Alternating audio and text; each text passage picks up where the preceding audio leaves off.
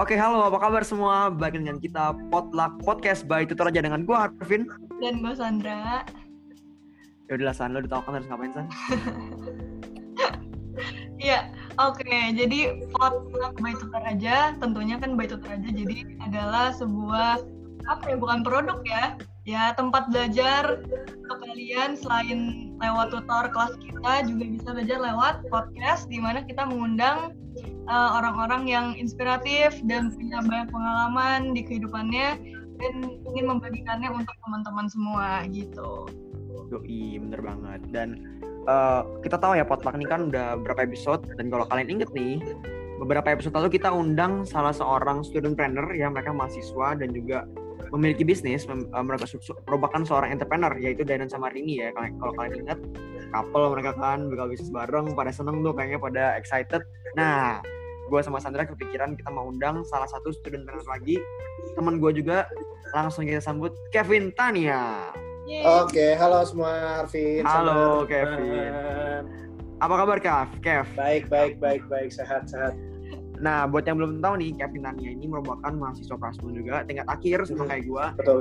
Dan dia juga merupakan seorang MC, magician hmm. juga, dan business owner dari sebuah barbershop namanya Dekat Rumah. Terkenal banget Dekat Rumah ini karena Prasmo udah manis, manis menurut gue ya. Ya, begitulah ya.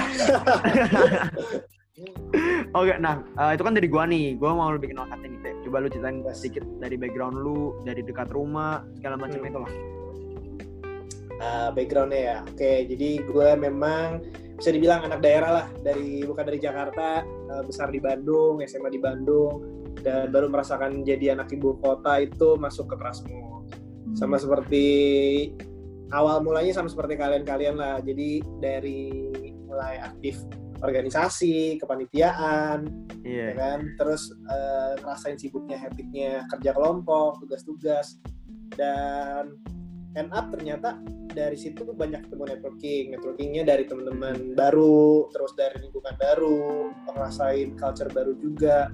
Dari situ ya udahlah kepikir semester 3 hmm, kayaknya semester semester 2 deh semester 2 habis OJT tadi semester 2 ya OJT ya kan? OJT iya semester, semester 1 kedua. Ya semester 1 kedua.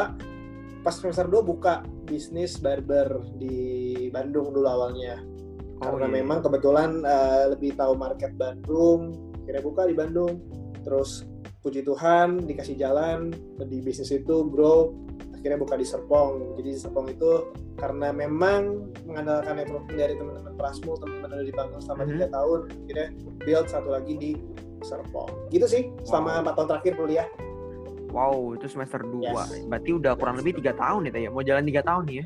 Betul, betul. Jalan tiga iya. tahun.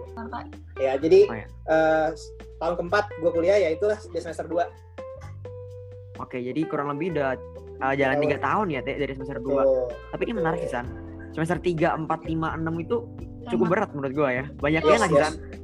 Menurut lo gimana San semester 3 sampai 6 capek banget men. Capek banget bro. Ya. hebat banget. Maksudnya tanpa hmm. bisnis pun tanpa tanpa gini deh tanpa per, tanpa apa namanya perpanitiaan pun udah cukup capek gak sih menurut gue capek capek capek ya ini in general ya bukan cuma di pras kebetulan kan kita bertiga di pras yes. menurut yes. in general semester tiga empat lima enam tuh banyak tugas kelompok jadi yes. uh, gue aja gak kepikiran waktu itu buka bisnis segala macam karena gue udah cukup occupied lah di kehidupan perkuliahan Nah, tapi menarik nih San, gue pertama kali kenal KT itu di IP, alias di apa? Ospek ya. PGU ya, eh aspek aspek. Iya, fun fact KT. Dari IP. iya, San, fun iya. fact KT ini adalah angkat ketua angkatan gue. Iya, yeah, 2016 ya. Iya 2016. Jadi buat angkatan 2016 pasti tahu lah Kevin Tania ya. Hmm. Angkatan 17 juga semuanya tahu Kevin Tania lah. oh gitu. 30 oh, hari lihat KT di panggung gimana enggak? Oh iya yeah, benar benar benar Kebetulan MC ya. kebetulan ya uh, dikasih talent talent juga untuk jadi MC 4 tahun ya MC PGU juga jadinya akhirnya. Iya. Dan MC sekarang lu ini ya. Sekarang lu masih nge-MC MC freelance masih, gitu masih, ya? masih, oh, masih. Iya, iya. Nah, kalau yang gue tau dari KT nih, awalnya dia tuh nah. menurut gue emang public speaking bagus banget. Emang menurut gue dia talentanya ada public speaking. Kenapa yes. lo tiba-tiba decide buat di barbershop teh? Apa kalau emang dari awal orangnya barber tuh apa ya art sih nggak sih kan masuk art yeah, yeah. Hmm. apa kalau emang punya skill art gitu baru lu decide oh kayaknya gue bisa nih barber Nah, uh, ini ini kalau ini gue dikit orang yang tahu, gue bongkar di sini.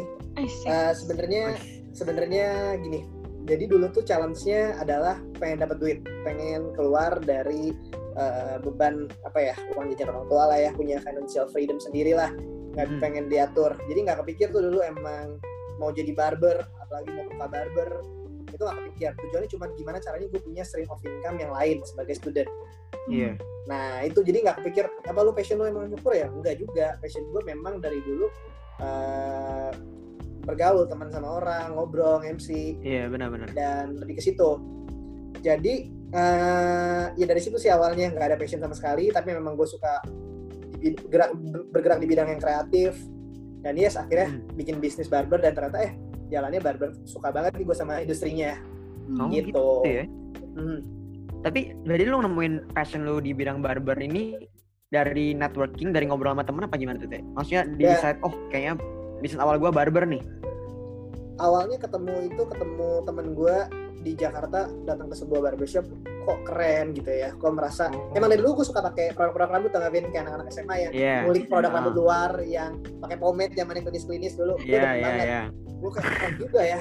Tapi masalahnya orang dulu barber itu kebanyakan orang buka barbershop dia ngambil orang yang cukurnya itu dari pangkas rambut dan didandani jadi barber.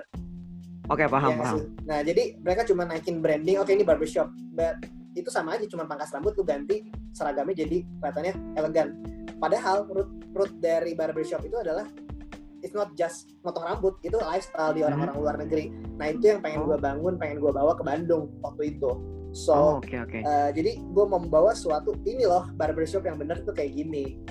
Nah, dari situ gue bener-bener belajar, bener-bener tekun, belajar uh, semua A sampai Z-nya, how to run the business, dan semuanya akhirnya ya udah uh, berjalan dengan sendirinya, puji Tuhan. Oh, luar biasa. Hmm.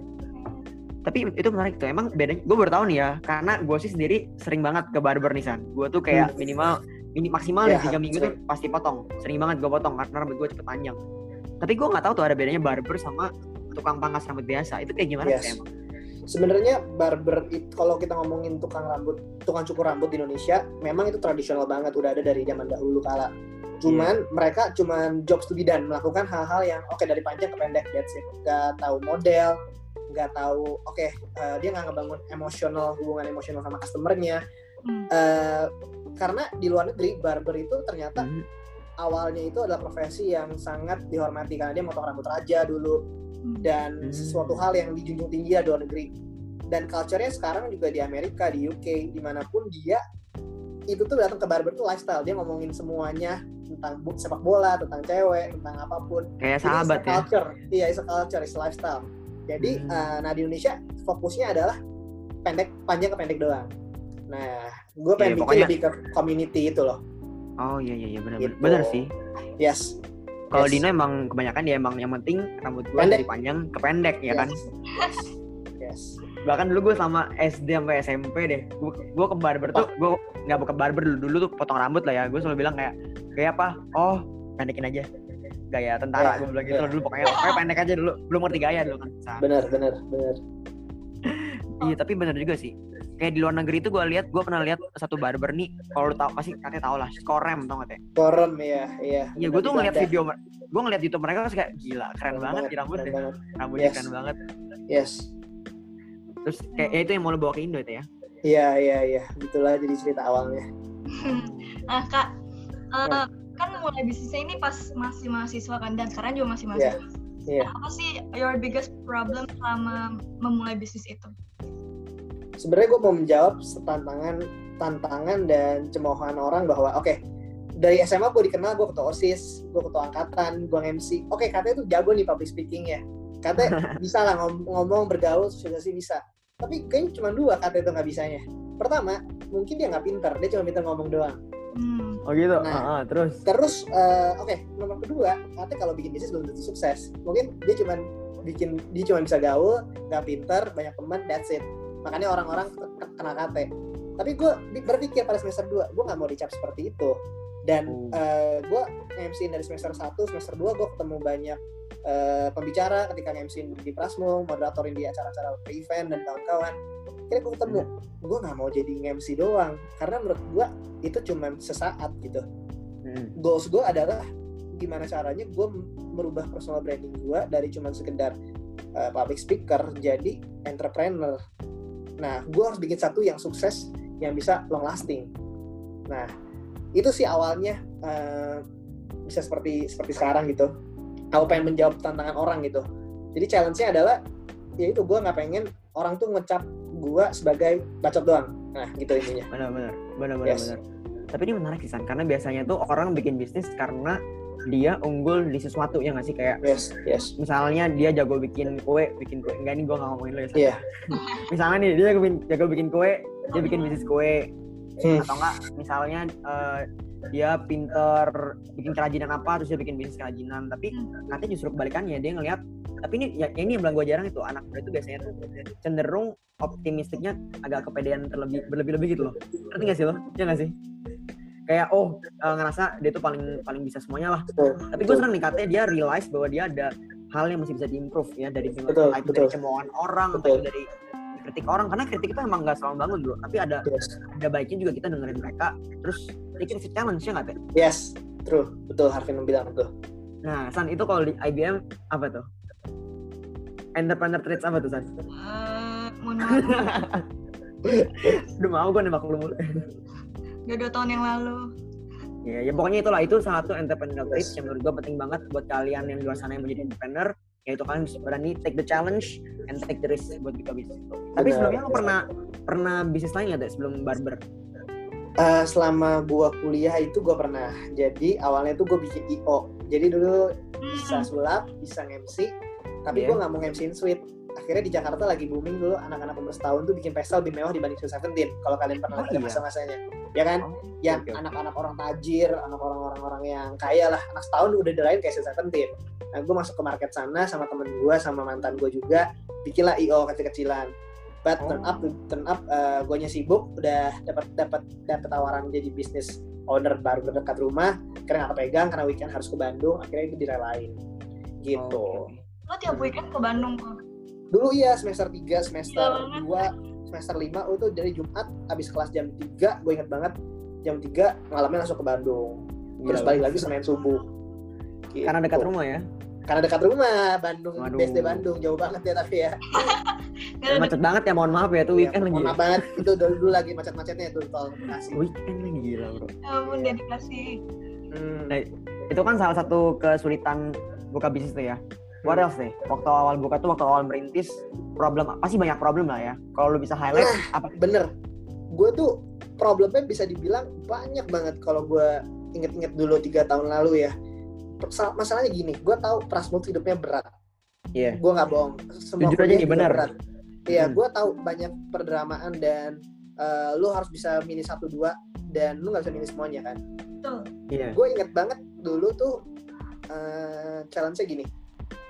Oke, gue semester 2 buka bisnis. Di saat itu tuh lagi gue organisasi panitia. Mhm. eh, itu panitia dua, kalau nggak salah terakhir tuh Paul, Paul sama Yureka. Itu gue inget banget lagi gue buka bisnis tuh Paul sama Yureka itu semester 2 Iya, dan lumayan kan. panitia di Prasmul ya. Jadi abis itu gue lagi sibuknya dulu tuh CI, Consumer Insight, Consumer Insight Journey. ya. Itu yang ada project kan ya? ya eh, terus balance sama eh, pertemanan dulu pen- sempat punya pacar juga balance semuanya antara bisnis harus ke Bandung lu mengelola panitia mengelola tugas kelompok mengelola social life lu juga dan akhirnya wah udah itu fur-furan banget apa namanya difur banget malam tidurnya dikit semuanya harus dibagi-bagi Hmm. porsinya masing-masing Eh, jadi challenge-nya adalah pasti ada yang ngomongin misalnya oke katanya nggak perform di ini nggak perform terlalu baik di sini gitu Mhm. kan tapi Iya. menurut gua lu nggak bisa ngambil lu nggak lu bukan bukan pizza yang bisa nyenengin semua orang. Everyone Yeah. punya goals dalam hidupnya punya suatu belief yang harus oke kayaknya gua mau ini.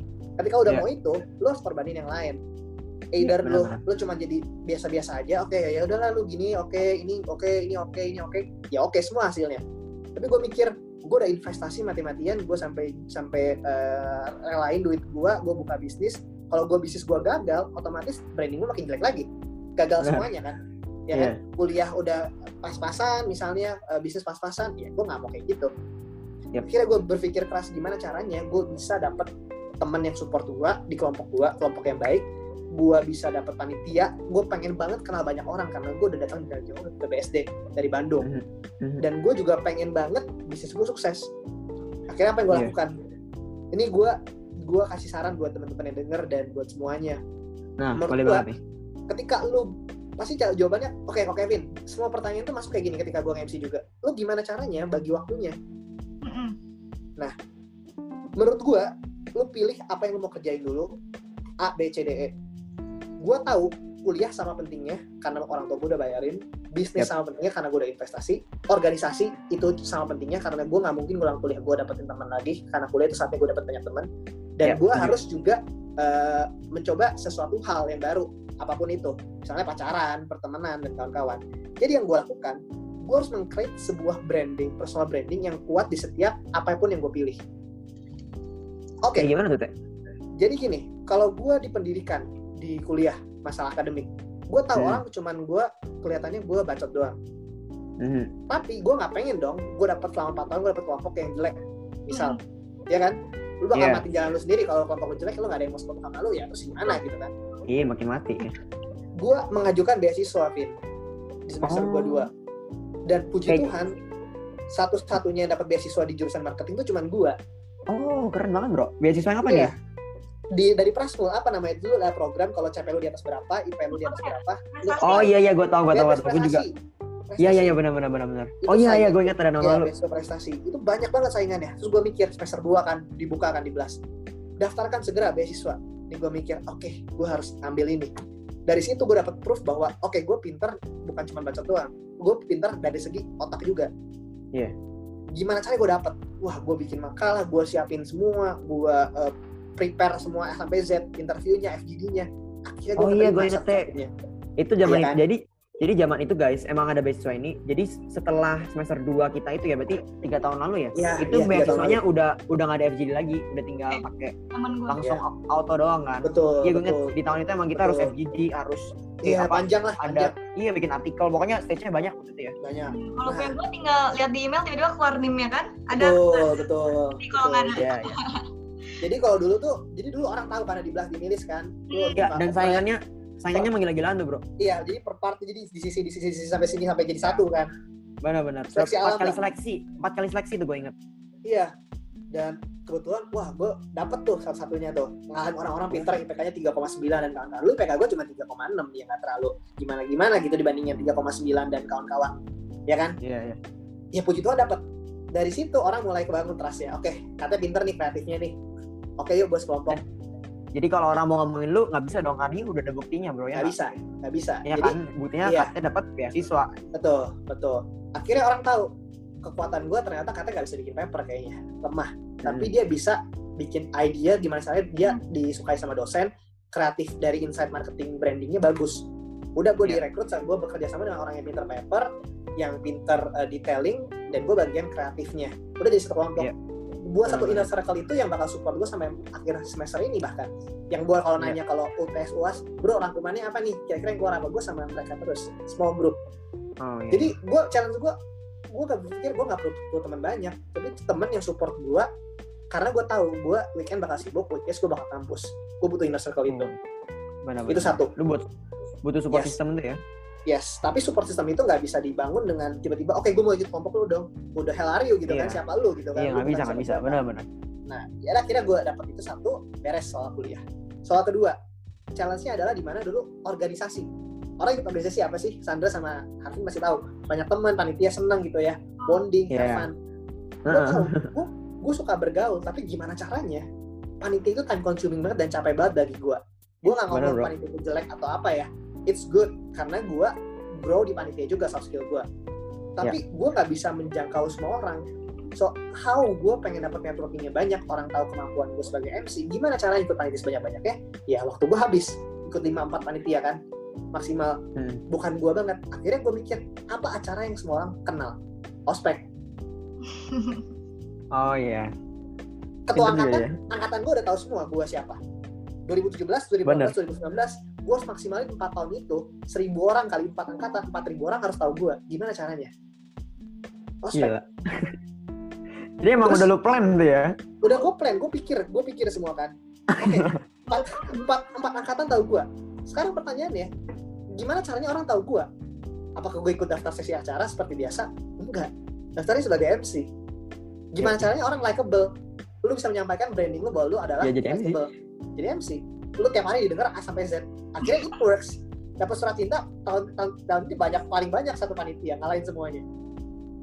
Woi. Emang MC di ospek tuh paling menghibur loh, karena stres iya tapi tapi ya, dulu tuh gue gini Vin. Lucunya gue tuh aduh kalau Sandra tahu 2017 tuh suram banget gue MC pertama gue MC yang formal doang gue tuh percis nggak bisa ngomong nggak bisa ngelawak dan kawan-kawan. Hmm. 2017 itu adalah menurut gue momen belajar banyak gue keluar dari zona nyaman gue karena gue dipasangin dengan MC semua yang lawak semua dan gue jadi koordinator saat itu Hmm. challenge-nya adalah gue harus bisa bergaul dengan orang yang berbeda belief sama gue pemikiran sama Yang- gue Dan style MC-nya berbeda banget ya. ya dan senior gue bahkan itu Hmm. anggota gue adalah yang MC gue pas gue jadi maba ya kan Iya, itu iya, challenge iya. berat banget terus Dan dia emang lucu gua- banget tuh, Bro.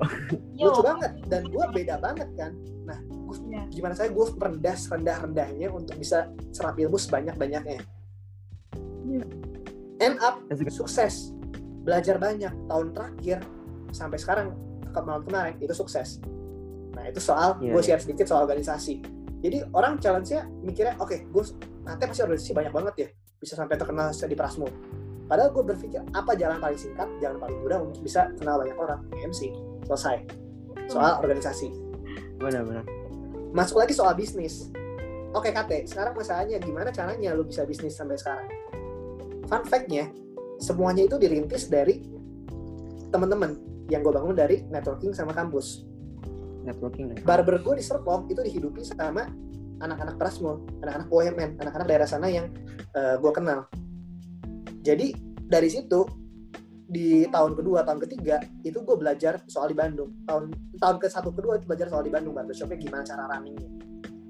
Bikin di Serpong udah tahu nih soal barbershopnya sekarang challenge ya marketingnya ke anak Prasmo nah itu dari situ Hmm. gue dapat puji Tuhan lu lucunya Tuhan tuh beri, berikan gue jalan tuh luar biasa banget sih menurut gue dulu gue konsul Ya. sama namanya satu dosen itu Pak Fatoni di Prasmo itu gue buka Hmm. barbershop tuh sama dia itu guru dosen CB gue Hmm. Mau Oh, tahu? I see. jadinya apa Pak Fatoni sekarang jadi dekan gantiin Pak Agus di Wow. Prastia Mulia Oh, oke oke. dan dia oke. udah jadi dekan dia pembimbing skripsi gue sekarang Ya ampun, pas banget ya. Ada aja caranya. ya?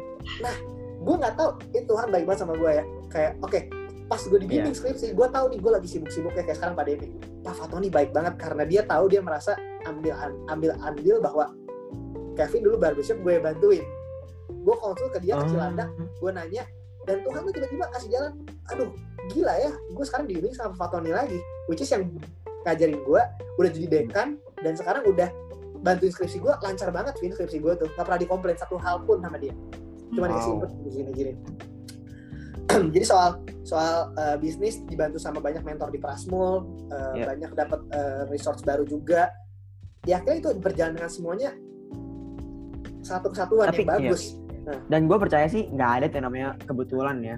Hmm. Itu menurut gue sendiri ya. Menurut gue sih nggak ada yang namanya kebetulan. Iya. Kalau lu orangnya baik, lu rajin, Iya. dan lu tulus, menurut gue sih one way or another pasti ada waktunya semuanya tuh bakal align betul dan itu gitu. Nggak ada yang gua.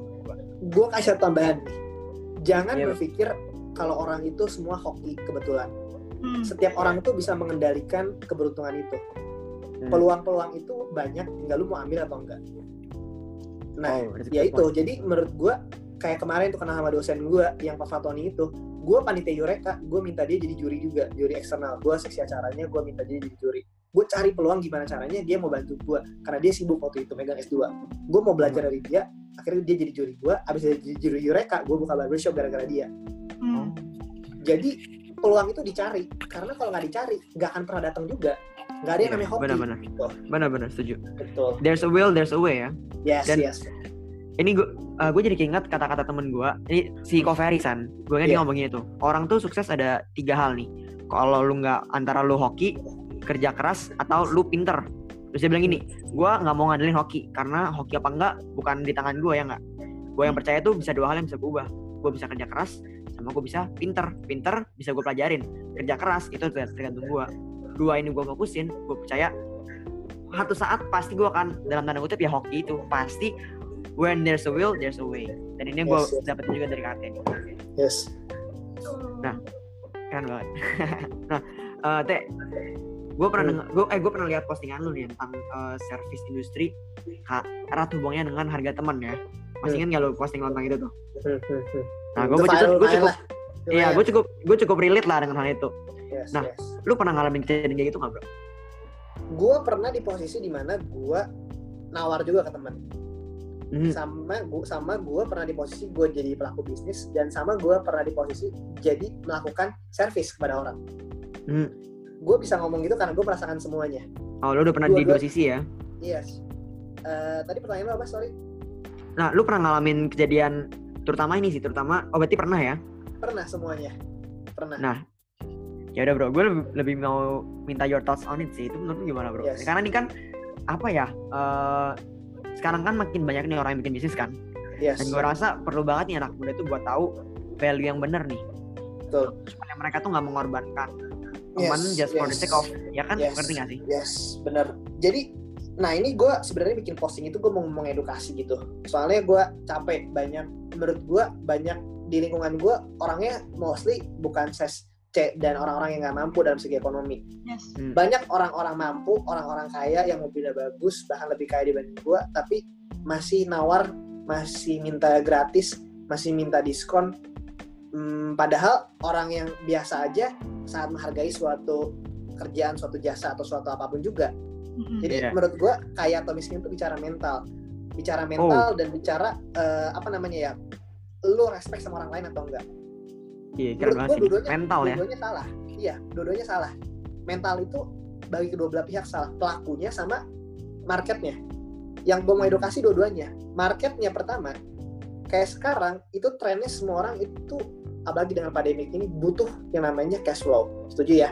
Setuju, orang setuju. jualan makanan, orang berusaha jualan apa pun juga dijualin. Iya. Pertanyaan gua, kalau misalnya kita bisa saling bantu, luar biasa kan kita punya suatu eh, apa namanya hal-hal yang bisa bisa saling support satu sama lain gitu kan. Mhm. Gue tahu mereka jualan juga pasti karena mereka butuh uang, Iya. ya kan. Kalau lu nggak mau beli ya nggak usah menurut gue nggak usah ngomong gitu. Kalau misalnya mau beli ya hargain aja gitu men, ya kan. Iya, benar-benar. Lu respect Nah, lah itu ya. respect lah. Kadang-kadang orang juga nawar, ya itu gue gregetnya. Karena dia pikir tuh, apalagi kalau servis ya, kalau gue tukang cukur ya, dia pikir satu jam nyukurin dia itu cuman dibayar ya waktu lu segitu. Padahal di balik itu tuh ada investasi, edukasi, ada listrik, ada fixed cost, ada value yang lu nggak bisa dinilai dari uang gitu kan, Iya, connection, benar-benar. story, ya kan? Dan itu orang-orang terlalu nge-value cuman, oke, lu harga lu doang yang mahal. Tapi lu eh, apa namanya ya di tempat sebelah aja cuma sepuluh ribu nyukur. Jadi selalu dibandingin orang tuh seratus ribu sama nyukuran sepuluh ribu gitu kan. Kan greget gitu ya. Orang selalu Iya. ngeliatnya suatu hal yang bisa di yang nggak dilihat tuh nggak mereka lihat. Nah itu kok gue edukasi soal di situnya karena desainer, copywriter, videographer itu bukan dibayar soal itunya tapi hasil dan resultnya dibayar bukan waktu itu Iya. working hour-nya loh. Benar-benar. benar. Iya. Tapi teh ma- masa sih maksudnya barber lu kan kalau nggak salah 50 ribu ya? Iya nggak sih? Kalau gua nggak Iya. salah ya. Itu Gua kan tuh banyak cukup ter- terjangkau lah itu ya teh ya. Masa segitu masih ada nawar teh? Vin, ini mah gini Vin, temen gue naik Pajero mobilnya turun lagi dicukur bilang bro eh, harganya sama ya cukur sama lu sama barber gue yang lain. Oh kalau gue seratus ribu bro. Wah mahal bro. Tau gitu gue sama barber lu aja. Kan aneh gitu kan. Waduh. udah lu Iya. peg- lu dipegang iya lu maksud gue udah udah lagi lagi dicukur gitu kan. Kan nggak perlu kata-kata seperti itu sebenarnya menurut gue ya. Hmm. ada jadi asem ya nyukurnya. gue gue sebenarnya gue langsung bilang aja oh bro kalau gue segini kalau mau kalau lain kali nggak mau ya gue is oke gue orangnya belak belakan sih Vin Heeh. ya lu udah nggak balik lagi gue nggak butuh lu juga gitu kan masih Iya, banyak iya, yang iya. mau menghargai gue gitu. Eh, benar. jadi jadi gue mau ngedukasi soal itunya pertama soal customernya jadi biar Hmm. market tuh mikir kalau pekerja-pekerja yang otak kanan itu selalu merasa nggak dihargai karena memang marketnya sendiri yang buat itu seperti kayak gitu culture-nya. Hmm. dan gue tahu rasanya belajar itu nggak enak gue udah merasakan semuanya ngerintis bisnis jadi yang nyukurin udah gue udah merasakan nggak enaknya gitu makanya gue nggak mau orang tuh nggak dihargai seperti yang sekarang makanya gue buat puasan itu untuk kemarin Iya, iya. Benar benar benar. tapi ingat- tuh, nah? Uh, Gimana, gimana? Pelakunya juga harus mikir bahwa harga tuh jangan mau apa pun mahal kalau nggak ada kualitas dan nggak ada expertise lu belum punya apa-apa. Jadi Iya, yeah, benar. juga. Ada yang nanya, Bro Kevin, gue nggak gue selalu ditawar. Ya emang lu belum punya portofolio, kasarnya gitu ya. Siapa Hmm. lu gitu kan. Nah jadi harus seimbang juga nih. Lu kalau charge harga segini, lu harus bisa memberikan value yang lebih juga. Iya, kualitas Gitu. tuh harus dijaga dong Iya. ya. Lu emang Ya, emang worth the aja price sih. gitu ya. Benar, benar. Gitu. Tapi maksud gue tuh ya ya ampun ini kan barber gitu ya potong rambut Yes, yang yes. yang nggak semahal itulah sebenarnya. Maksudnya masih bisa terjangkau lah. Gue ngerti lah kalau misalnya eh, lu punya teman misalnya let's say pengacara gitu yang harganya jutaan terus eh, dia ngover lu harga teman gitu menurut gue tuh wajar lah oke lah. Kalau maksud gue ini kan day to day gitu ya. Ya hargain lah ya temen yang lagi berusaha merintis bisnis. Karena Iya, karena maksud gue gue kan pernah coba bisnis juga nih dan gue sangat ngargain sih teman gue yang eh, actually beli produknya tanpa kayak minta potongan harga dong atau nggak benar, minta benar, benar, benar. oh terserah Vin sekali gitu ngerti gak sih Iya, iya. gue ngehargain banget walaupun kayak Iya. kalau dia minta tester ya udahlah gue kasih gue kasih karena Iya. dia emang temen gue segala macam tapi Iya, dari situ gue mulai ngehargain hal itu dan kalau temen gue punya bisnis pun sekarang gue udah gue nggak mungkin minta eh harga temen dong bro gue pasti belilah Yes. kalau ditawarin dan gue Yes. mau beli dan gue mau beli ya Yes. gue belilah membantu teman-teman yes. dan ini penting banget nih Yes. buat teman-teman Yes. semua untuk punya Ethics. value itu nih ethics Ya, itu Betul. penting banget karena ada teman gua ngomong yang udah gede dia bisnis juga yang ngomong anak muda yang pinter banyak jago bisnis banyak tapi yang Betul, etika sama betul. value-nya berat nah itu susah banget dicari Sama Itu yang dirubah harus anak muda. Betul. Ini narasumber pertama kita ya. makasih Sandra bocorannya gila ini kita baru berapa menit udah berat ya San ya Iya. Oh, kalau buat gue simpelnya kalau lu nggak mau beli nggak usah datang sih. Masa kayak Nggak usah datang, benar, benar. setuju banget kayak enakan lah kayak Bener. aja gitu. Ya dan gua iya. pun sebagai misalnya ada teman gua gua tawarin nggak mau beli ya udah gua nggak bakal tersinggung karena ya it's No hard okay feeling. namanya no hard feelings it's okay daripada daripada lu oke oh, boleh Vin tester lah atau nggak kayak harga harga temen Setuju. lah setuju. ya agak setuju. jadi agak risih aja maksud gua kayak ya. Mending kalau deket mending kalau deket banget best friend gitu ya. Dan dia Iya, sampaikan benar, benar. story ya. Ini udah paling satu nggak kenal sosok kenal. Kayak ngaku-ngaku misalnya kayak ini paling banget nih gue ini gue ada kelasnya Kevin. Minta ke kasir. Eh, biasanya ada diskon gak sih? Ya kan? Waduh berat Kalau- berat. kalau kalau kalau kalau kenal nggak apa-apa gitu ya. Misalnya gue sama lu Ah. Vin. Beda Vin lu karena udah sering gue kasih. Beda kalau owner yang ngasih gitu ya. Kalau Iya. ngemis dan sok kenal itu udah suatu hal yang beda gitu kan. Aneh gitu ya. Aduh lucu lah nah Dre, menurut lu nih kan lu Nah. sebagai anak muda yang sudah berbisnis dan sudah cukup oke lah ya.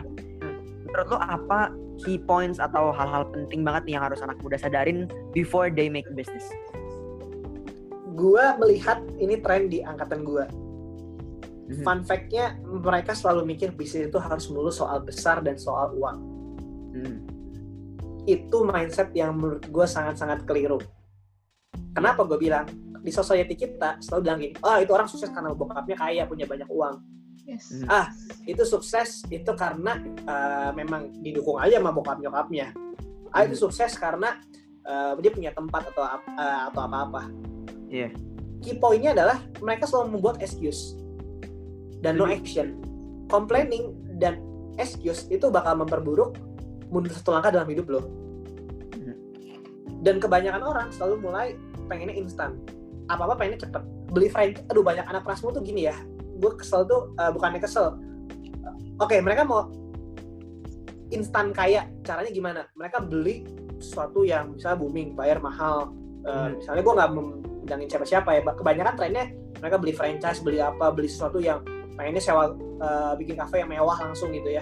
End up Iya. tutup apa sih menurut gue gue analisa bro kenapa lu tutupnya cepet banget? Eh kenapa lu ini? Karena mereka nggak nggak punya belum punya skillnya fondasinya belum kuat. Selalu Jadi melihat istilahnya Hmm. istilahnya eh, mereka belum nyicipin yang kecil langsung Yes, yang gede yes, gitu ya. langsung mau yang gede ya? Yes. Oke mau bikin coffee shop gue gue beli sewa satu dua tahun. Tapi mereka nggak tahu cara running manage people ya people management ya marketingnya operational thingsnya. Mereka belum Iya. punya fondasi untuk itu loh. Dan tiba-tiba dikasih satu hal yang 200 juta ya tetap aja gagal gitu kan. Ya kan jadi Benar, menurut benar. gua key pointnya adalah lu belajar dulu tahu banyak hal dulu tahu banyak hal validasi marketnya butuh atau enggak baru lu buka jangan selalu Iya. mikir buka selalu yang besar dari yang kecil dulu karena kalau dari kecil kita udah bisa validasi marketnya suka atau enggak sama produk atau service kita Iya, good. kalau udah benar-benar. suka baru lu jam minta investor minta duit yang lain gabung sama duit sama teman itu Iya. baru dan no excuse bikin bisnis itu bukan ngomongin excuse lu lebih sukses lu lebih bagus lebih apa fokus ke Hmm. diri masing-masing gitu nah itu sih insight dari gua. Benar-benar. Karena emang sekarang zamannya sosial media ya orang jadi ngelihatnya tuh yes yes. banyak menurut gue ya banyak anak anak anak muda sekarang ini dan gue pun dulu mungkin kayak gitu ya gue nggak sadar. Tapi untungnya sekarang gue sadar bahwa dulu tuh kita fokusnya tuh terlihat sukses bukan actually sukses. Terlihat sukses bener. Nah, bener. itu yang bahaya banget guys. Bener. Itu gue itu gue ini bener banget menurut gue jadi dulu tuh gue dicap gini waktu gue semester 5 tuh uh, bilang uh, gini gini. Jadi dulu gue punya teman terus dia bandingin pacarnya. Eh itu dia orang hebat ya. Dia punya pabrik ini uh, bikin hmm. clothing brand gitu ya. Dan misalnya yeah. intinya dia bilang tukang lu cuma tukang cukur gitu ya. Lu cuma nyukurin yeah. orang gitu kan. The goal is not to be kelihatan kaya dan end up brandnya tutup. Akhirnya online shopnya tutup karena cuma pencitraan seakan-akan keren tapi nggak ada yang beli. Fotonya bagus semua tapi nggak ada conversion untuk belinya. Padahal di, di gembor-gembor wah ini brandnya bagus pakai model ini artis ini artis. Tapi tutup gue mikir kenapa ditutup bro? Gue nanya oh nggak ada yang beli bro. Dia stoknya banyak tapi nggak ada yang beli. Udah masuk That's bazar ini bazar ini bazar ini. Orang hype gitu ya. Oh, datang nih di, di kuningan ini gue bikin ini clothing. Akhirnya tutup. Ya, karena goalsnya adalah terlihat kaya dan terlihat gue bisnis ya kan? Iya. gue produktif gue punya bisnis gitu ya. Betul betul. Tapi it's not about people gitu it's about you gitu kalau bisnis tuh menurut gue hmm. Hmm. itu yang salahnya tuh jangan pernah bikin bisnis tuh terlihat keren terlihat kaya karena bukan itunya lu bikin bisnis tuh harus menghidupi orang di dalamnya juga. Betul. Nah, itu good point lagi tuh, San. Nah, ini satu lagi good point nih, satu hal yang mau gue share. Banyak yang bilang gini, Kate, lu buka barbershop buat apa sih? Sampai sekarang pandemi lu masih buka. Ya kan, orang mikirnya, gue pengen cuan kan? Hmm. Ya kan? Let's say ada orang yang mikir kayak gitu. Anjir, yeah. Kate udah tau corona, ini barber masih buka. Uh, terus... Dasar lu mata duitan banget tuh, Teh. Mata gitu. duitan banget. Nah, mereka nggak tahu. Mereka nggak tahu tuh gini nih, San, Vin. Mm -hmm gue bikin barbershop pegawai gue ada 20 sekarang mm-hmm. mostly mereka ada yang udah bagi hasil sama gue mm-hmm. gue gue mereka punya anak punya istri harus dihidupi kalau yeah, gue yeah, tutup ya gue rugi tempat doang nggak rugi apa apa tapi mereka tuh yeah. kita bicara hidup orang lain siklus hidupnya loh siklus hidupnya jadi terganggu gue nggak mungkin bisa bayar mereka juga tapi gimana caranya gue udah ajak mereka gabung ke bisnis gue gue harus memvalue mereka sebagai manusia juga orang kan Iya. Yeah, nah itu nggak dipikirin tuh selalu bikin pikirnya tuh egois diri lu sendiri. It's all about you business. Ketika lu udah terjun di bisnis kayak jasa kayak gua gini, it's all about them orang-orang di dalamnya. Itu yang harus peduli yeah. dan jadi harus prioritas. Gitu. Yeah, benar-benar. Ya itu kayak kita ngomongin di episode pertama ya San ya. Entrepreneur itu evolve dari cuma mikirin ngenyangin perutnya dia doang, jadi yes. ngenyangin perut-perut, dapur-dapur yes. orang yang bekerja dengan dia. True, true nggak cuma terlihat keren aja guys bisnis itu yes, emang banyak yes. ups and downs ya yes. dan gue setuju sama Kate sih kayak banyak banget sekarang orang tuh gampang ngentengin ya kayak excuse gitu nanti nggak sih kayak ada teman gue nih dia uh, punya bisnis yang jadi bokapnya itu punya pabrik terus dia buka bisnis dari pabrik itu tuh dia bikin brand sendiri dan sukses terus gue nggak suka banget nih kalau ada orang ngomongin dia kayak oh misalnya gue ngomongin dia oh iya dia keren nih uh, brandnya brandnya sukses terus followersnya di Instagram banyak salesnya juga gede hebat juga dia nih gue bilang gitu nih. Tapi ada aja orang ini nyiring kayak lah kan emang itu bisnis bokapnya? Lah kan emang bokapnya punya pabrik gini gini menurut gue sih itu nggak valid banget bro. Karena bokap lo pun pasti punya bisnis ya nggak? Terus mana apa yang bisa lo kembangin dari bisnisnya? Ada hasil nggak?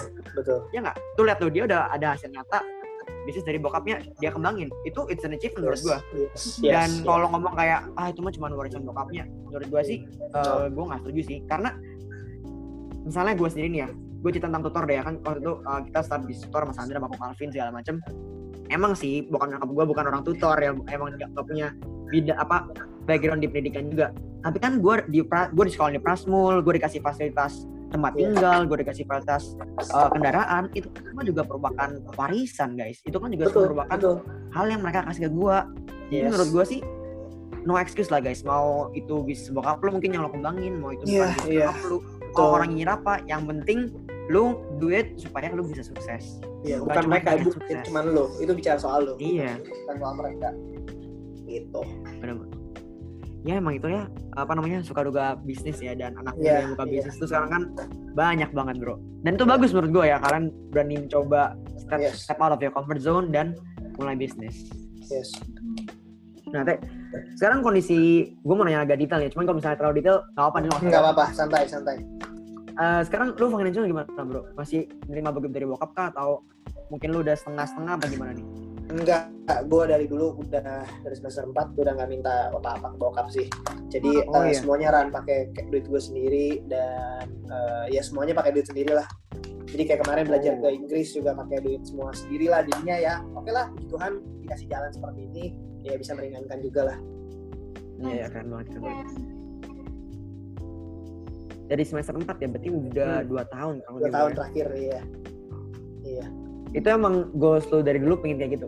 Karena jujur gue juga pengen one day kayak gitu sih pasti.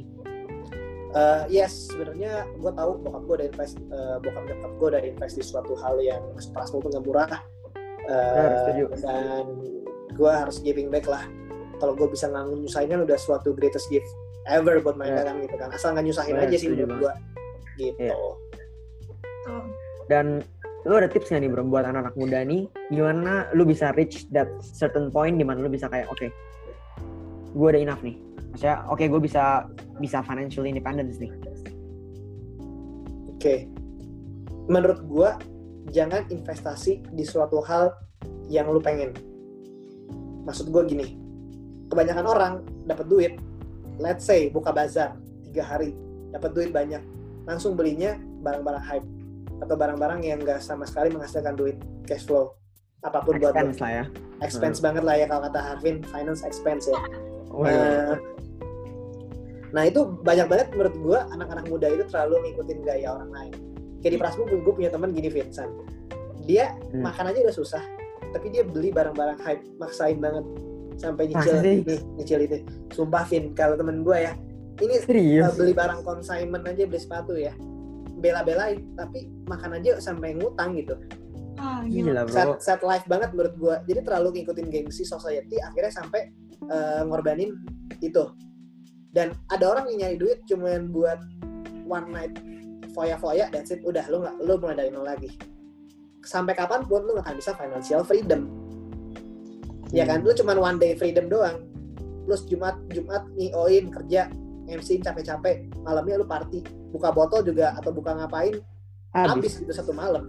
Ya kan? What's the point gitu. Nah itu iya iya. challenge paling besar untuk millennials gengsi turunin gengsi kalau gue dulu juga nih kalau gue dapet gue dapet 200 juta gue pengennya apa sih? Pengen ganti mobil dari Nova langsung pakai HRV let's say. Ya kan? Misalnya gitu ya. Heeh. atau Mini Cooper atau apa gue langsung pengen gengsi kan. Tapi gue Hmm. gue mikir ya sukses menurut gue balik lagi ke definisi suksesnya apa kalau menurut gue bukan cuma soal mobil bukan soal apa gitu. Bukan bukan buat tentang buat siapa pun tapi buat diri lo sendiri gitu kan. Iya benar benar benar objektifnya financial freedom buat orang tua nggak nyusahin. Lu punya cewek yang bisa lu eh, bahagiain ada long term long term planningnya sama buat diri lu Hmm. sendiri lu nggak berkecukupan gitu. Lu memberi dan lu menerima sama-sama balance semuanya. Mm. oh. Iya kan? Itu sukses menurut gua. Jadi lu cari dulu sukses tolak ukurnya apa dulu nih kalau menurut Iya. gua bukan tentang gua bukan tentang apa yang gua pakai tapi tentang ya itu tadi motifnya ini kalau buat gua dari situ lu dapat bisa financial freedom motivasinya udah jelas dan yes lu udah tahu yes, apa yang lu mau achieve yes. strive to it jangan sampai terdistract ya ya gitu kalau lu dikasih 200 juta hari ini nih, lu bakal ngapain San? Asik. investasi long term ya akun apa? banget ya apa? akun banget ya investasi investasi saham Eh, Wih. apalagi obligasi ya gitu-gitu ya Oh investment ya. Kalau lu apa teh? Kalau lu dikasih 200 juta ngapain tuh? bagi-bagi sih jadi ada 50 30 20 lah ada yang ditabung ada yang diinvestasi buat main-main ada yang buat Hmm. eh, lo coba-coba satu hal yang baru jadi udah ada posnya masing-masing gitu Oh iya, iya benar-benar. Ya itu ya. Jangan Iya. sampai kalian jadi apa ya? Menurut gue sih itu mentality OKB ya. Apalagi anak muda tuh. benar benar benar Nah, mungkin yang udah punya pacar, eh nggak pacar. Tapi tadi katanya sempat mention tentang pacar tuh San. Tentang cewek tuh San. Mantan katanya. mantan lah mantan iya ini gue oh ini gue yang katro ya gue nggak up to date banget Ini ini boleh diomongin nih teh. apa tuh Ya tentang masalah percintaan nih bro.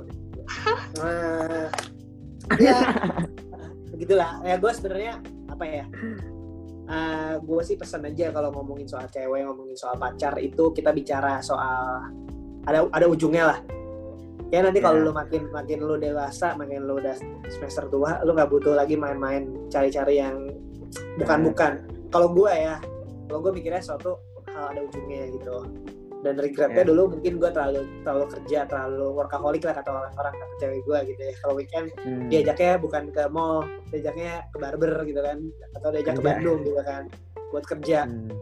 Uh, jadi gue selalu nyari cewek tuh yang bisa saling memberikan value satu sama lain bukan bicara soal fun Saling karena fun itu ya. fun itu ujung tapi kalau Hmm. enjoy itu nanti lu bakal tiap hari lu bakal saling makin mencintai nah Nah, mungkin kalau gue satu hal yang bakal gue rubah dalam hidup gue waktu kemarin adalah gue lebih berproses bersama sih jadi bukan terlalu cuman gue didoping sama cewek gue tapi gue bisa mendoping cewek gue juga bisa saling berkembang gitu bisa saling, grow gitu ya. saling grow Hmm. Nah itu yang paling uh, lesson learn dari gue sih kalau mencari cewek bukan cuma buat main-main. Kalau cuma buat main-main hubungannya kosong Ya. gitu. Kosong aja berarti Iya, gue iya. nggak lu nggak lu setahun dua tahun lu nggak bisa lihat progres kalian gitu Iya, iya. gitu. Cukup lah ya kayak pacaran yang fun-fun tuh SMA aja lah. Boleh lah, sekarang- boleh lah lu mau pacaran. Boleh lah. Tergantung lah. Tapi kalau gue sih males gitu, Lihat- buang waktu gitu. Lihat umur sih menurut gue ya. Kalau Iya. udah umur kepala dua sih ya Iya. agak dikurangin ya funnya ya. Wih, lu masih sama cewek lu gak sih? Gua. Oh, oh. Waduh, sudah tidak bro. Terus Sandra, Sandra single. Single single. Ini single berarti. Arvin juga single. Iya, ini kita sama single. Sandra sekarang. Enggak, kita singles club bro. Singles club nih, Sa. Teh. Oh, keren, bertiga single squad ya? Vin, tapi lu bingung gak sih sekarang cari cewek di mana kalau udah lulus? Um, ada lah kebingungan sedikit, tapi menurut gua sih Ada jalan. masih ada jalan lah bro. Yang penting gua fokus aja dulu. Benar, benar. Nggak tahu sih, ya, Kalau- menurut gua pasti banyak sekarang anak-anak cowok tuh yang gua temuin sih udah nggak terlalu pusing nyari cewek, malah lebih pusing mikirin kerjaan. Dan menurut gua ya lebih baik pusingin tentang itu yang ada. Benar, benar. Benar. Lebih pusingin Tapi- tentang masa depan aja. Kalau gimana teh? Gue sekarang sebenarnya um, apa ya kalau gue bisa bilang enakan nyari cewek itu pas kuliah. Karena lu udah bisa lihat bibit bibit bobotnya kayak Oh. kalau lu nyari nyari sekarang kalau jadi bisa gini nih. Cari cewek yang mau temenin lu dari susah itu susah banget nggak ada lah bisa dibilang. Mm-mm. kalau sekarang tinggal nunjuk ibaratkan ya bisa kalau udah sukses siapa pun gitu. Tinggal nunjuk cewek eh, yang mau deketin gitu kan. Selalu lihat lagi When you're at the top. versi terbaiknya and one in the top Iya, gitu when- when you're at the top. tapi kalau It's easy. kuliah, iya kan, kalau kuliah itu pure love gitu. Lu sama-sama tertarik, sama-sama ngerintis, sama-sama lagi jelek, sama nggak punya apa-apa, dan bisa grow itu keren banget. Dibanding Benar. sekarang, kalau udah sukses, semua orang bisa mau, semua orang bisa. Ya Iya, udah lihat versi terbaik loh, gitu kan. benar. Nah jadi kalau yang lagi dengerin nih banyak anak kuliah, eh, stick with someone yang benar-benar udah temenin lu dari awal gitu. Aku jadi inget ini kan, jadi inget daerah nama ini ya nggak sih? Waduh, gue dari hari ini gue angkat topi, gue bener-bener angkat topi. Iya, Hebat banget. lucu banget. banget deh mereka. Anutan. Dan mereka bener tuh, yang mereka tuh cerita kayak eh rintis bisnis tuh ya udah sama-sama susah, sama-sama bangun pagi, sama-sama capek-capek, sama-sama tidur sampai malam, ngurusin stok segala macem dilakuin Gua- berdua. gue gue hebat banget liat ya bener tuh Darren Rini tuh gue Iya. dulu kan jadi gini gue lantai satu gue tinggal di Max 3 lantai dua tuh uh, ini lantai lima tuh Darren Oh, jadi gue oke. selalu lihat uh, ya grup main gue grup mainnya Darren ya kadang suka ketemu sering lewat. Memang itu keren banget kan dari temen punya rintis bareng akhirnya dapet Iya. perasaan di sana dapet cinta dan jadi sukses. Itu satu hal yang wah keren banget nih story-nya gitu kan. Dream story. tentang mereka banget gitu. Gue kayak wah keren banget. Dan dulu cuma teman main ditanya Rin ini patut uh, Darren gimana? Ya cuma teman main tapi sekarang udah punya suatu empire yang bagus. Sukses itu hebat banget. Gue Iya, salut iya. lah Mana mana mana. Hmm. It's easy kalau it's easy gitu. When you're at the It's top, easy, everybody sekarang everybody looks at you ya kan. Tapi when you're at the Yes. bottom ada nggak tuh orang yang mau nggak ada yang ya kan belum tentu percaya kan. sama lu, Iya. percaya sama visi lu, percaya sama uh, why lu ya kan, percaya sama masa depan Iya. lu. Iya. Benar. Tapi kalau menurut lu teh, um, pacaran waktu kuliah itu gimana? Sama punya bisnis? Apa? pacaran itu bakal waktu kuliah nih punya bisnis dan punya pacar. Menurut lu itu bakal ngebantu lu being more produktif, mungkin memotivasi lu lebih lagi atau justru malah menghambat lu? kalau gue gue jujur jangan ikutin gue ya standar gue Hmm. tuh kalau cari cewek tuh tinggi gitu kalau cantik goblok nggak akan gue pacarin Hmm. Waduh. jadi kalau yang sosialita yang kerjanya cuma main-main doang gue udah pasti nggak akan pacarin karena gue cari cewek yang bisa kerja Hmm. Nah, terus cewek bisa kerja dan pinter, itu kuncinya. Karena itu akan memboost kinerja gue lebih produktif. Dia bisa nge value, dia bisa support sistem gue, jadi motivate gue juga. Dan kalau cuman foya-foya it's not my type banget gitu walaupun se seksi Iya, sama iya. setajir apa sekeren apa gue bukan soalnya gue tahu itu bakal menghambat gue karena gue harus beat gimana caranya harus seperti dia versi gue gue harus mengikuti Hmm. dia jadi tumbuhnya gini nih satu di atas satu di bawah bawahnya adalah Hmm. cowok atau ceweknya ngikutin satu sama lain naik tingkat menyamakan Hmm. dan akhirnya lu patokan lu nggak sampai sini tapi patokan lu cuma sampai cewek cowok lu doang But Hmm, kalau misalnya cari yang setara sama-sama memberikan value dan sama-sama bisa saling cover naiknya juga bareng gitu gini Iya, iya. nggak gini nggak akan nggak akan saling ngejar itu menurut gua jadi cari reason pacaran tuh apa sih buat kalian Oh, stop main-main ya guys. Oh, nggak tahu sih bebas sih Bebas ya, mungkin yang Bebas lah. semester awal boleh lah ya kenal-kenalan ya, banyak. gue semester awal juga main-main gitu kan Hmm, benar-benar. Gue pun juga eh nggak sama gue. ya pokoknya, tapi ini ini maksudnya ini bagus kan. Yang ya dong, kalau gue boleh ngulang kuliah nih, gue bakal pakein tips CKT nih. serius nih. Gue bakal terapin tips CKT. Udahlah nggak usah yang main-main dulu. Yang penting sama-sama saling add value dan sama-sama bisa bertemu bareng dari lu bersama ini kan. Kalau cuman fun-fun doang mah, kalau lu cuman sama dia karena dia ganteng sama cantik, ya bakal habis kok bro. Bakal one day bakal habis lama-lama bakal Iya betul nggak San? kegantengan bosen lama-lama guys lihatnya. Ganteng Oh, bosen. iya. Oke, nanti uh, last few questions dari gue nih. yes. Sekarang kan lo udah di titik yang cukup enak nih. Yang maksudnya udah cukup cukup oke lah. What's next bro? Apakah mimpi lo sudah terachieve semua atau masih ada goals goals yang belum terachieve? Apakah dekat rumah akan go internasional? waduh. Sebenarnya this next month itu semua selama empat tahun terakhir. Ini waktu terproduktif gue sepanjang hidup gue dan I've been waiting untuk untuk satu momen ini eh, tahun ini sebenarnya. Habis gue lulus kuliah gue mau jadi best version yang lebih dari empat tahun ini. Empat tahun Yes. itu kuliah itu trial and error gue Yes, sedih-sedih gue suka duka gue semua di sana. Gue udah belajar banyak banget. Yes. jadi gue baru mulai sebenarnya. Gue selalu mikir "Empat tahun ini baru mulai. Katanya udah sukses belum? Belum. Gue empat tahun trial error. Gue rasain udah ditipu rasain udah gini dan gitu. Abis ini ya something big. Next stepnya apa? Hmm. lebih dari yang sekarang. Nah jadi eh, what's nextnya ada ada satu project besar yang bakal gue pegang yang bakal merevolu- merevolusi cukup industri barber. Jadi mim- mimpinya bukan cuma tentang brand gue tapi it's all about the industry sekarang mikirnya gimana The whole caranya industry. bisa ya bisa memberikan value naikin martabat barber itu lebih pandang di customer. Challenge-nya adalah nanti buat barber Indonesia. So oh, oh. belum bisa ngomong sekarang karena mungkin siapa tahu nanti ada kompetitor yang denger gitu kan. Namanya bisnis ya. Iya iya. Iya tapi iya benar gue kalau mau yang dengar kuliah gue selalu pesan 4 tahun jadi lu belajar. Lu gagal bodo amat. Mau orang yang nggak suka bodo amat. Lu namanya masih kuliah ya kan? Setuju. Ya udah gitu. Ya emang slow ini aja. tempatnya lu men- ini tempatnya lu trial and error ya nggak sih? Betul betul. ya kan yang main kuliah kan pasti lu masih dapat masih masih dapat jajan lah ya.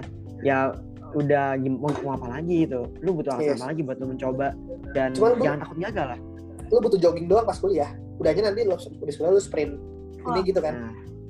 Benar benar benar benar. gitu. Jadi KT baru mulai ya? Baru mulai. Itu hashtag tuh KT baru mulai. Tapi kalau buat lu sendiri teh eh, your biggest dream tuh apa teh in life gue mau sebenarnya selalu giving value untuk orang lain. Karena eh, itu hal yang terpenting. Bisa move satu orang dari satu titik ke titik yang lain itu satu hal yang menurut gua definisi sukses. Fun fact dekat rumah itu selalu gue bicara bukan mencari bintang bukan ngumpulin barber hebat. Tapi gue membentuk orang jadi satu orang yang hebat. Wow. Kalau lo lihat kemarin ke Bandung tujuh barber gue storynya luar biasa banget satu orang dari yang pangkas rambut cuma sepuluh ribu sekarang udah punya gajinya dua digit. Mhm. ada orang yang dari salon nggak wow. bisa motong barber udah jadi bisa motong barber dengan punya iPhone 11 Wow. jadi wow. sukses menurut gue dari satu kampung dia eh, dari satu kampung dari Medan bisa pindah ke Bandung punya satu kontrakan yang layak yang bagus itu sukses menurut gue jadi gue nggak mikir tentang takut barber gue maju enggak karena kalau udah itu lu punya out Hmm. happiness sendiri. Inget Hmm. satu hal prinsip gue gini. Gue di dunia ini nggak bisa lahir mau jadi owner mau jadi barber. Gue nggak bisa milih mau tinggal di keluarga mana. Iya kan? Mhm. lu mau Iya, jadi sekolah setuju. di Prasmo lu nggak bisa milih. Tapi Iya. lu itu bisa ubah jalan hidup lu. Dan benar. apakah jadi luar biasa kalau misalnya kita bisa bantu orang bisa dari satu titik ke titik yang lain? Itu happy-nya luar biasa menurut gue dari situ rezeki lu unstoppable man. Menurut gue ya. Yes.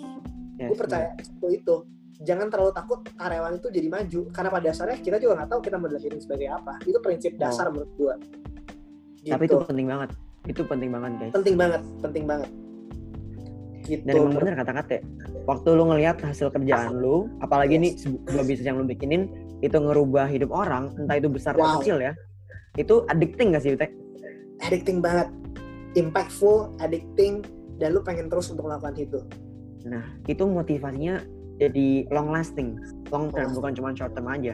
Dibandingin lu cuma mau, oh gue mau beli mobil, gue mau beli rumah. Ntar waktu Betul. lu udah dapet, kadang-kadang tuh motivasi lu hilang. Gue gak bisa ngomong ya. Gue gak bisa ngomong karena gue belum belum reach hal itu. Tapi kalau at least dari cita-cita orang ya, kalau goal khusus cuma itu ya nanti waktu lu udah reach, bingung gitu kayak, oh Kosong. ini rasanya. udah gitu kan mm-mm. ya udah gitu Ya, bahkan bahkan kalau gue cerita nih ya dari kan gue kan waktu itu sempat uh, sering nutor kan nih. Gue ngeliat anak tutor gue bisa mengerjakan ujian dengan lebih baik. Itu itu addicting banget loh. Itu more than money sebenarnya menurut gue ya. Ya gue juga Yes. butuh uang tapi tapi more than that tuh ngeliat gue bisa ngebantu orang ngasih real value itu bagi banget guys. Kayak Dan Sandra mungkin- aja Cloudstar gitu kan? Oh, Nah, juga benar, Vin. benar, ya gitu gitulah. Addictingnya sama kan?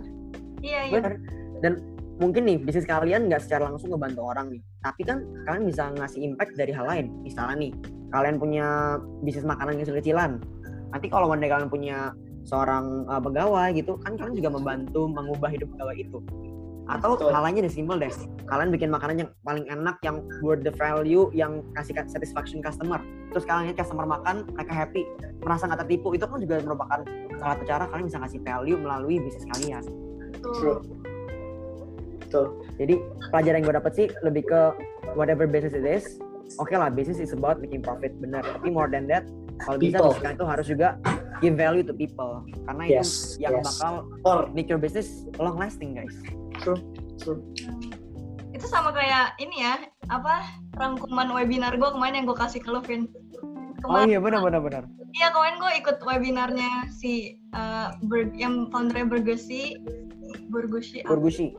ya itu terus dia juga bilang kalau misalnya lo uh, set price ya jangan lo akan merugikan customer lo lo tujuannya bukan buat cari duit doang tapi lo juga harus value customer lo lah walaupun mereka yang kasih lo duit gitu true true true. Iya, gue juga pernah ngobrol sama temen gue, dia bisnis ekspor ikan kan. Terus dia bilang kayak, dia udah gede nih ekspornya nih. Terus dia bilang, dia selalu bilang kayak, gue beda sama bisnis lain. Bisnis lain mungkin mau mau mencari keuntungan sebesar besarnya. Hmm. Kalau gue, gue mau ngasih harga sewajar wajarnya yang bisa memberikan kepuasan ke pelanggan sebesar besarnya. Justru malah hal itu yang membuat gue dipercaya. Hmm. Jadi Sense. ini tips yang bagus ya buat anak muda ya. Business is about making profit benar, tapi ya kayak tadi gue bilang more than that, kalau bisa kalian kasih fokusnya tuh di value yang bisa kasih kalian kasih ke customer kalian. nah yes yes Harvin luar biasa emang ini kayaknya udah Padahal terbaik gua tahun cuman- ini Harvin Padahal gue cuma ngerangkum kata-kata orang doang nih, Teh. Oh, iya. nah, San, lu masih ada pertanyaan, San? Final question buat Sandra nih.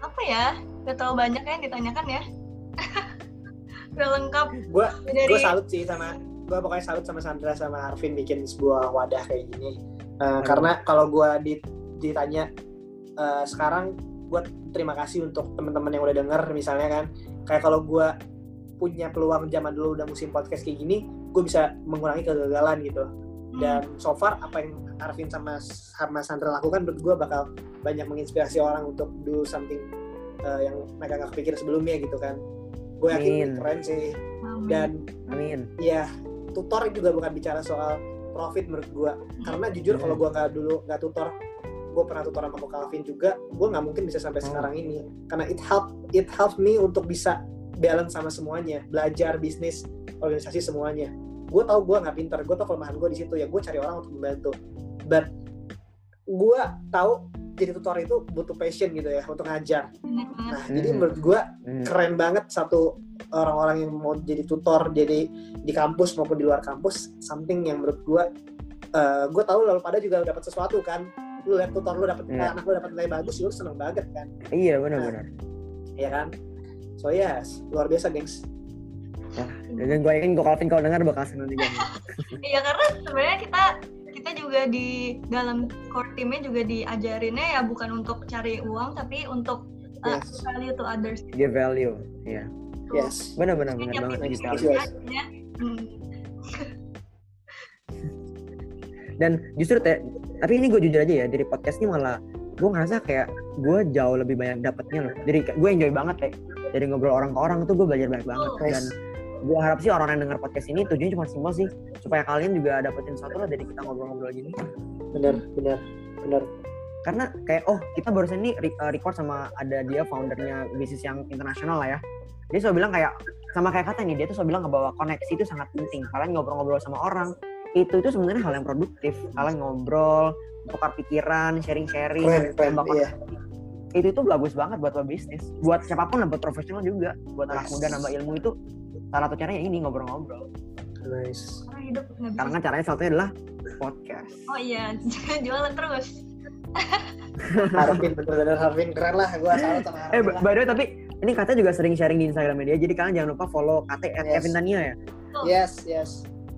Ya jadi dia juga sering tentang sharing tentang apa aja deh, bisnis MC Gue lebih ya, fokusnya tentang sekarang self development, lifestyle, and grooming. Gitu. lifestyle and grooming Yes. bisnis juga tuh ya Bisnis enggak lah, gue belum besar bisnis, jadi lebih oh jadi masih dikit-dikit ya self development karena menurut gue self development lebih penting dari bisnisnya. oh Betul. siap Ya kan memperbaiki diri sendiri gitu. Kalau bisnis, oke gue ngajarin lu cara jual pomade.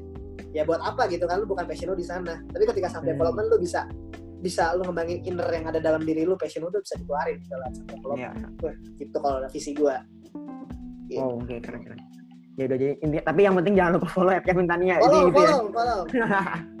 Dan yang mau potong, yang mau potong rambut ke dekat rumah. Boleh, boleh. Potong sama gue ya. pastinya dekat rumah Iya. Oke. Nah, eh, dari gua yang gue baca dari sesi ini nih sebenarnya baik banget cuman gua menurut gue yang inspiring dari kata adalah dia sadar dia aware banget akan dirinya sendiri ya nggak? Dia aware posisinya dia sekarang dia aware orang ngomong apa ke dia dan itu bukan hal yang buruk loh. Maksud gue itu bukan hal yang buruk. Lu mikirin kata orang tuh bukan hal yang buruk sepenuhnya buruk gitu. Lu bisa dapetin hal-hal baik dari hal buruk yang orang omongin lu. Contohnya dari KT dia selalu introspeksi diri dia kembangin dirinya terus self improvement terus dan dia mau belajar. Take chance take risk tapi kalian juga harus sadar bahwa risk dan chance yang kalian ambil itu kalian harus perhitungkan dengan baik-baik dan kalian harus sadar area mana yang kalian kurang dan kalian harus belajar untuk memperbaiki diri kalian terus. Contohnya sekarang KT dia sudah hidup independen ya udah financial independent. Menurut gue itu udah salah satu inspirasi yang cukup bagus lah buat kalian semua anak muda supaya kalian at least for the short term cari goal itu tuh. Dan dalam buat bisnis jangan cuma fokus dengan profit profit profit tapi make sure kalian ngasih value. Entah itu dari produk kalian dari manajemen kalian dari pegawai-pegawai kalian. Kalau kalian bisa memberi value dalam bisnis kalian itu akan memberikan kalian motivasi yang luar biasa. Itu dari gua. Sandra gimana San? Kalau dari gue dari tadi cuman lo kalau dengerin gue dari tadi gue betul-betul doang boy. Karena kayak kayaknya kayak semuanya gue setuju gitu. Tapi yang paling gue eh, tangkep itu adalah eh, jangan jadi orang yang suka gengsian gitu guys. Karena ya itu benar juga sih. guna lah kayak maksudnya kenapa lu harus gengsi? Ya hidup kan ini hidup hidup lu gitu terserah orang mau ngomong apa. Hmm. ya biarkan saja. Terus yang gue pernah belajar juga dan ini juga nyambung sih tadi. Eh, kalau misalnya income lu nambah expense lu tuh sebenarnya nggak usah nambah loh. Maksudnya kan lu sebenarnya. Iya kan Betul, ini betul. hidup dengan expense misalnya 4 juta per bulan gitu. Nah, terus lu kenapa pas income lu nambah, expense lu juga nambah gitu. Jangan gara-gara income lu nambah, lu expense aja nambah gitu. Kalau nggak kapan kapan lu financial benar. freedomnya guys gitu. Ya, gitu. bener-bener kecuali kalau dulu emang melarat banget terus Ya. apa nambah income nambah itu ya ma- masih wajar lah maksud gua lu nggak bakal makan nasi sehari lima kali kan Iya nggak sih income lu naik lu belum belum lu nggak bakal makan nasi lebih banyak kan gitu loh Nggak cari yang emang oh iya gua gua gua ada kata-kata bagus banget nih. Mentor gua bilang gua bahwa hidup itu sebenarnya murah yang mahal itu gaya hidup. Tuh. ini anak muda penting banget buat sadarin nih. Percuma lah kalian terlihat kaya tapi nyatanya itu cuma semu ya. Jadi cari goals yang meaningful lah dalam hidup kalian. Mm-mm. oke guys.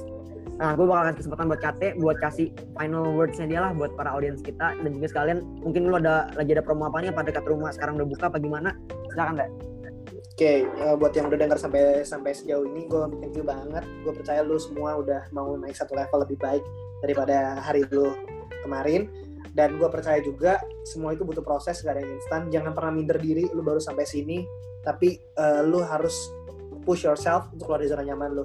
Karena at the end of the day bukan soal kompetitor lu yang harus perangi tapi diri lu sendiri. Kemauan untuk bisa upgrade kemauan untuk berkembang dan kemauan untuk belajar lebih dari yang pernah lu bisa bayangin sekarang uh, pokoknya if you need anything dari yang gue bisa bantu gue bakal bantu.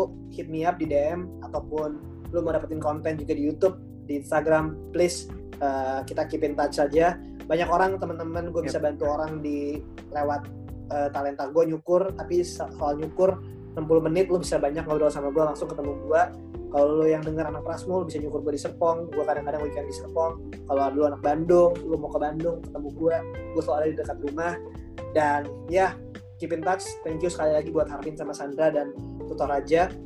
Uh, pokoknya all the best. Yes God bless you guys. Jangan oke okay, mantap katanya buat minta harga temen ya guys. Ya yeah. sama kalau misalnya kalian cewek boleh lah kenal ya waduh sekalian ya boleh lah. Oh tadi kan kalau kalian cewek. kriterianya kan Vin?